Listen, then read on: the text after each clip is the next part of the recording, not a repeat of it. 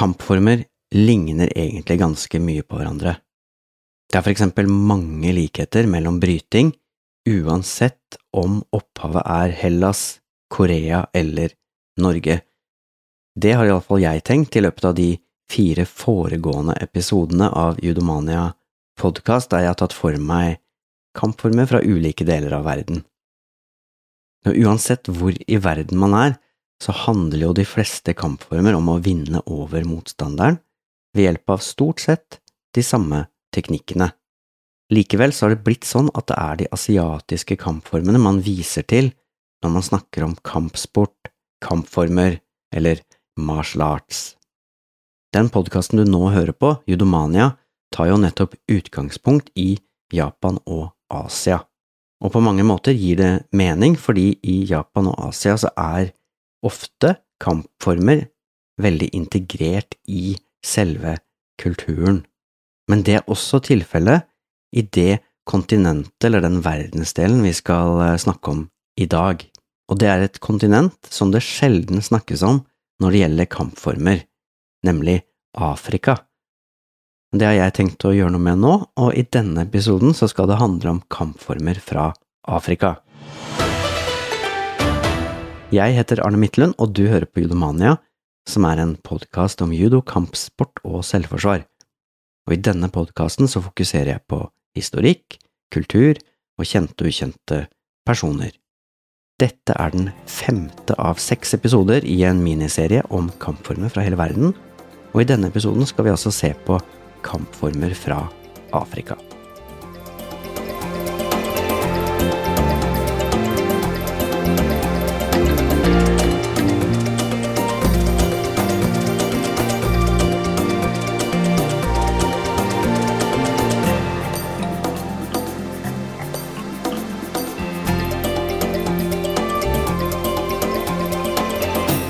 Si alle samfunn på det afrikanske kontinentet har sin lokale variant av kampformer, og det er jo så mange at det er helt umulig å få nevnt alle i løpet av denne podkast-episoden, men i den informasjonsteksten som ligger ved alle episodene til podkasten min, så finner du link til nettsidene, og der kan du finne mer informasjon hvis du er interessert i det. Så det er altså utallige kampformer fra Afrika, og mange av de har fått en ganske viktig plass i kulturuttrykket, kan man si, i flere av samfunnene. Noen kampformer praktiseres som idrett, mens andre har blitt mer stilisert og fungerer mest som oppvisning og dans når man skal feire noe eller skal markere en viktig anledning. Det er også sånn at mange av de gamle kampformene fra Afrika ble med til Amerika i forbindelse med den eh, transatlantiske slavehandelen, denne trekanthandelen, og den aller mest kjente av disse kampformene er nok capoeira, som vi skal høre mer om i neste episode av podkasten. Det er også sånn at eh, kolonitida påvirka alle former for kulturuttrykk i Afrika, også kampformene, for da var det jo sånn at eh, stammer og ulike grupper ble slått sammen, de ble skilt, nesten helt tilfeldig av de europeiske kolonimaktene for her tenkte de at det var bare å legge linjalen på kartet og så dele opp dette store kontinentet. Og Det betyr jo også at flere kampformer har blitt påvirket av hverandre, og i noen tilfeller har de blitt blanda godt og grundig sammen. En annen utfordring for utøverne av disse kampformene er jo mangelen på skriftlige kilder. Her har man i veldig mange samfunn overført kunnskap ved hjelp av muntlige fortellinger, og det har jo fungert veldig godt, men når samfunn går i oppløsning på grunn av undertrykkelse, slavehandel og dramatiske hendelser, så er det vanskelig å ta vare på kunnskap om egentlig alt mulig. Men det finnes noe informasjon, og det er flere som etter hvert nå gjenoppdager de gamle kampformene og prøver å videreføre denne stolte tradisjonen og arven. I denne episoden så har jeg valgt ut tre kampformer som jeg tenkte å si litt mer om, og jeg prøver å gjøre det eh, kronologisk, så jeg starter i riktig gamle dager, og her er det faktisk eh, skriftlige kilder også, fordi denne kampformen eh, stammer fra Egypt, og her er det veggmalerier som kan bekrefte at dette er en svært gammel kampform.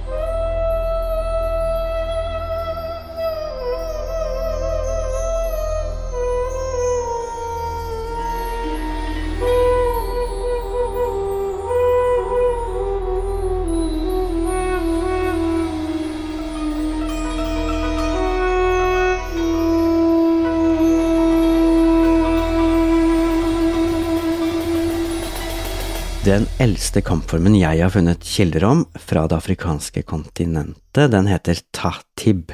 Det skrives T-A-H-T-I-B. Og her snakker vi om en kampform som man kan spore tilbake til 2500 år før vår tidsregning. Så her er det altså snakk om nesten 5000 år gamle teknikker, og hvis vi går til Norge, så er vi i det som kalles for yngre steinalder her. I Egypt der denne kampformen kommer fra, så er det på denne tiden at de kongelige bestemmer seg for å bygge pyramider til ære for seg selv. Så er i starten av den perioden hvor pyramidene begynte å bygges. Blant annet så ble pyramiden i Giza bygd på den tiden her. Både det egyptiske og det mesopotamiske samfunnet har begynt med skriftspråk, og de har begynt med byutvikling og byadministrasjon. Og på en annen kant av verden så har eh, den indiske kulturen så vidt starta opp, mens Kina ennå er eh, langt inn i framtida. Det tar fortsatt 600-700 år før eh, Shang-dynastiet dukker opp. Så her er vi altså langt, langt, langt tilbake i tid. Og i det egyptiske samfunnet på den tiden her så utvikler man en kampform som senere har utvikla seg videre og blitt til en folkedans. Og i utgangspunktet så ligner den kampformen her på alle andre kampformer, egentlig fra hele verden, der man slåss med lange stokker.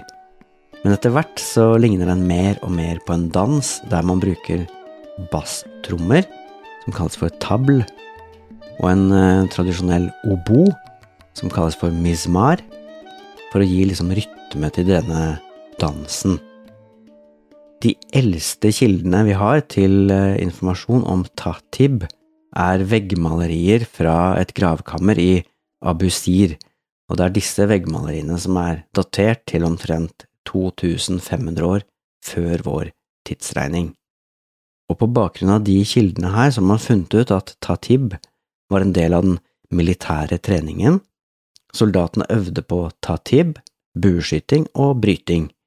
Det som også kommer fram av disse veggmaleriene, er at vanlige bønder og arbeidere likte å drive med denne formen for kampkunst. Etter hvert så blir tatib en aktivitet som er vanlig i festlige lag, som for eksempel bryllup, og hvis dere går inn på nettsidene til judomania.no, så vil dere også se at det er en riktig så koselig, danselignende aktivitet i våre dager. Men samtidig er det ingen tvil om at hvis du slår noen i hodet med en sånn lang stokk, så er det ganske brutalt. Så som våpen i krig har det også vært en effektiv måte å slåss på. I den moderne versjonen av Tatib så konkurrerer både kvinner og menn mot hverandre, og hodet regnes som den mest sårbare delen av kroppen, og hvis du treffer hodet én gang, så vinner du kampen, og hvis du treffer kroppen, så må du da berøre kroppen tre ganger med denne stokken.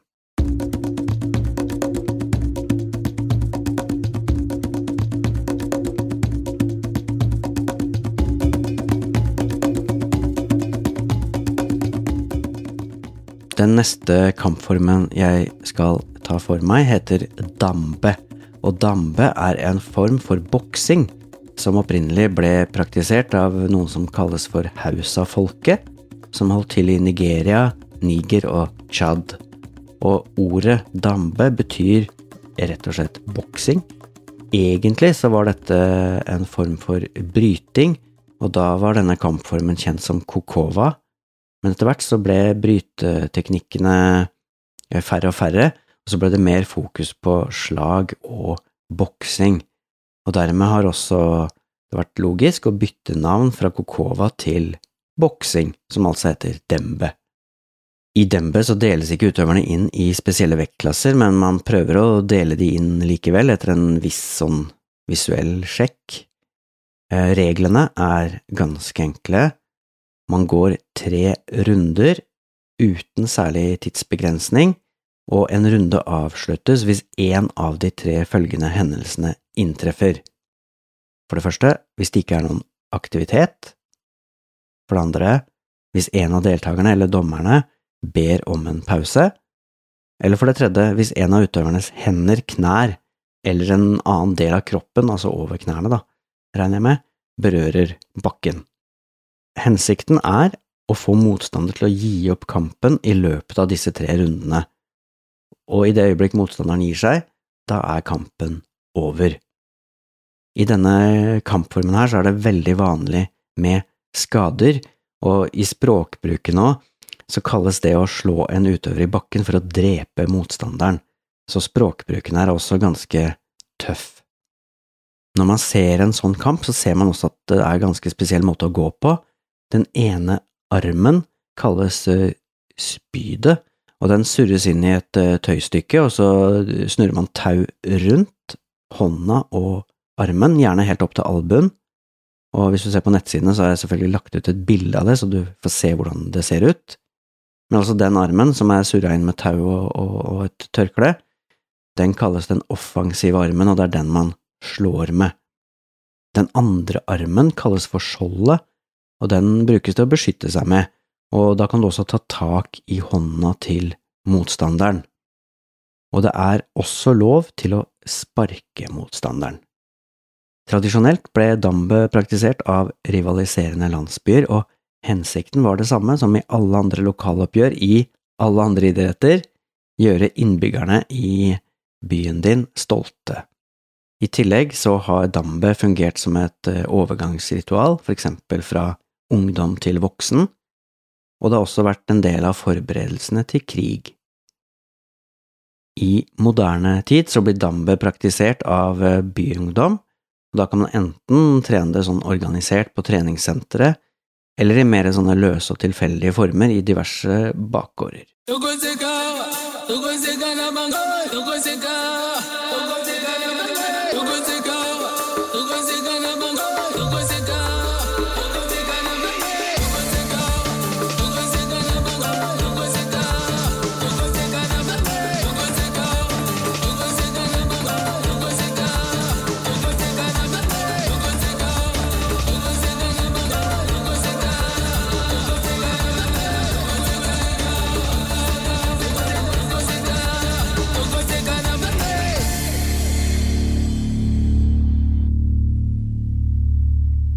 Tredje kampformen jeg har lyst til å nevne, er lutt tradisjonell, og det hører man kanskje har en fransk klang, og det er et fransk samlebegrep for kampformer som har opprinnelse i Vest-Afrika, og lutt tradisjonell kommer fra eh, land som Niger, Togo, Gambia og Senegal.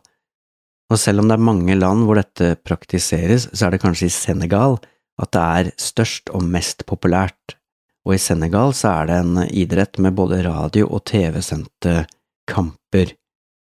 Ifølge sosiologen Abdui Wahid Kane, som ble intervjua av afrik.com, så er opprinnelsen til denne kampformen innhøstingsfestene til stammer som i sin tid kalte seg for seter og diola, og lutt tradisjonell kan praktiseres på flere måter, men det er lutt tradisjonell sans frappe som har blitt mest populært.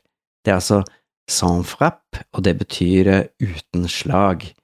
Det fins også en form som er inspirert av senegalesisk bryting, og der er slag tillatt, og da kalles eh, kampformen lutte tradisjonell avec frappe, altså med slag.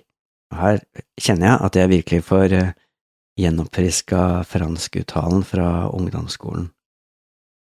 Uansett, målet med kampformen er å enten dytte motstanderen ut av ringen, eller å få vedkommende i bakken, enten på rygg eller på alle fire.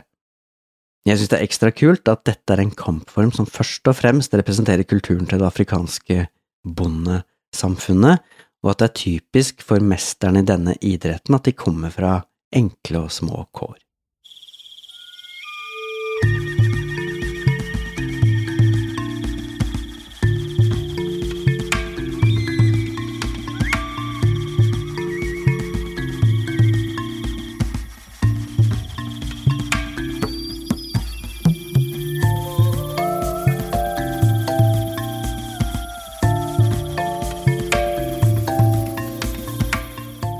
Hvis du som hører på kjenner til noen steder der man kan trene kampformer fra Afrika her i Norge, Så må dere ikke nøle med å ta kontakt. Skriv til podkast.judomania.no, eller gå inn på nettsidene judomania.no podkast, og skriv eller les inn en kommentar der. Det kan jo også hende at dere har noen tilleggsopplysninger eller kommentarer til noe av det jeg har sagt.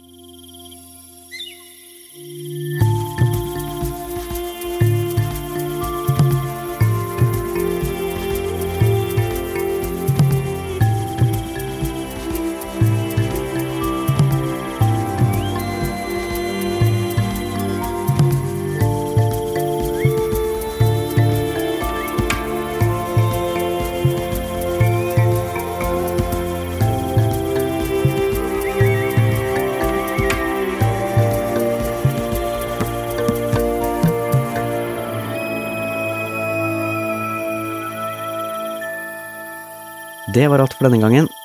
Likte du det du hørte? Tips gjerne andre om denne podkasten. Det er hyggelig hvis flere hører på. Takk for at du hørte på. Ha det bra.